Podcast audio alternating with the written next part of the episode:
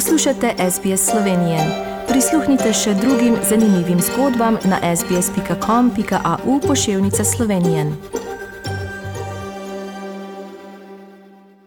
Pozdravljeni, dragi rojaki in rojakinje. Kočevje je v četrtek pretresla silovita eksplozija v tovarni Melamin, v kateri je umrlo pet ljudi. To je tako na počlu, da je vrata odprlo, not pa orodje imam, not je vse potrest z metalo, tako da me avto kar zasulo. Poškodovanih je še šest ljudi, med njimi dva kritično. Oba sta dobila hude opekline, njuno življenje je ogroženo. Mi smo aktivirali takoj vse naše ekipe, eh, vključno z ekipo nujne medicinske pomoči iz eh, Ribnice, eh, ekipe slovenske vojske, ki so tukaj na usposabljanju na škrilju.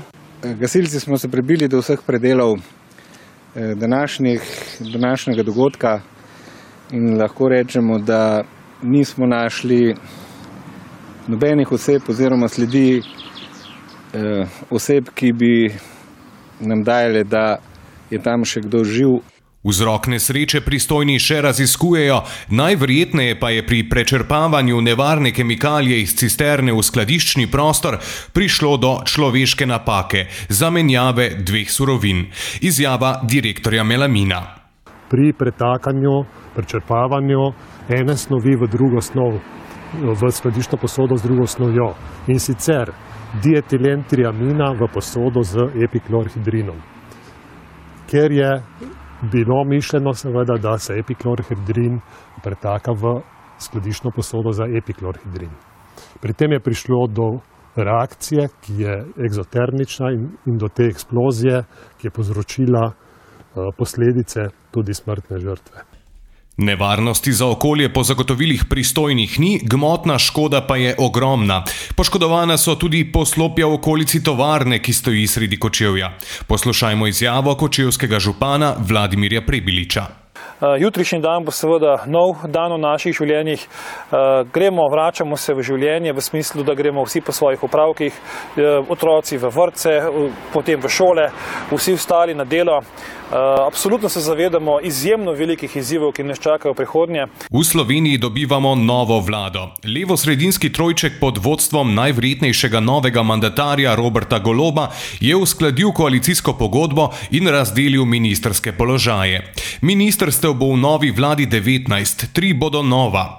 To so Ministrstvo za solidarno prihodnost, Ministrstvo za podnebje in energijo ter Ministrstvo za visoko šolstvo, znanost in inovacije. Eno od novih ministrstev in sicer za solidarno prihodnost bo vodil koordinator levice Luka Mesec, Fajonova, predsednica stranke SD pa zunanje ministrstvo. Oba bosta podpredsednika vlade, prav tako Daniel Bešič Loredan, ki je kandidat za zdravstvenega ministra.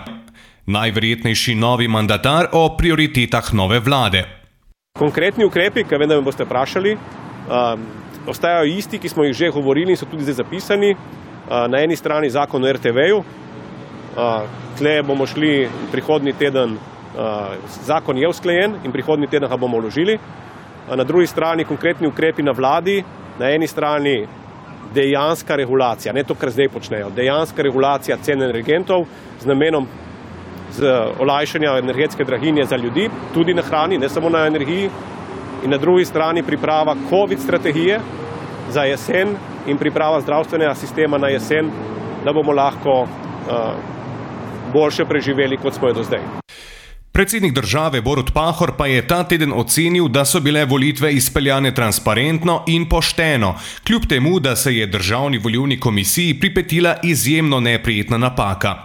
Nekaj dni po volitvah je namreč ugotovila, da je zaradi računske napake sporočila napačna imena šestih izvoljencev v parlament.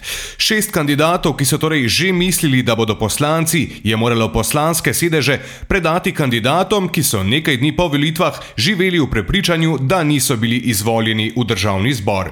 Predsednik državne volilne komisije Dušan Vučko je sicer zavrnil pozive k odstopu zaradi napake. Vlada Janeza Janše se je v četrtek sestala na 123. redni seji, zadnji prideni z ustavno sejo novega sklica državnega zbora, poteče mandat. Po številu sprejetih odločitev je bila odhajajoča vlada med najaktivnejšimi, saj je na rednih ali dopisnih sejah odločala na pol drugi dan. Vladna ekipa je v dobrih dveh letih od prevzema mandata obiskala vse slovenske regije, nekatere celo dvakrat. In še novica iz sveta zabave, tisti, ki spremljate Eurovizijo, verjetno že veste, da se našim predstavnikom ni uspelo prebiti v finale v Torino. To je bil pregled pomembnejših novic iz Slovenije. Z vami sem bil Žan Dolajš. Lep pozdrav, do prihodnič. Všečkaj, deli, komentiraj. Spremljaj SBS Slovenijo na Facebooku.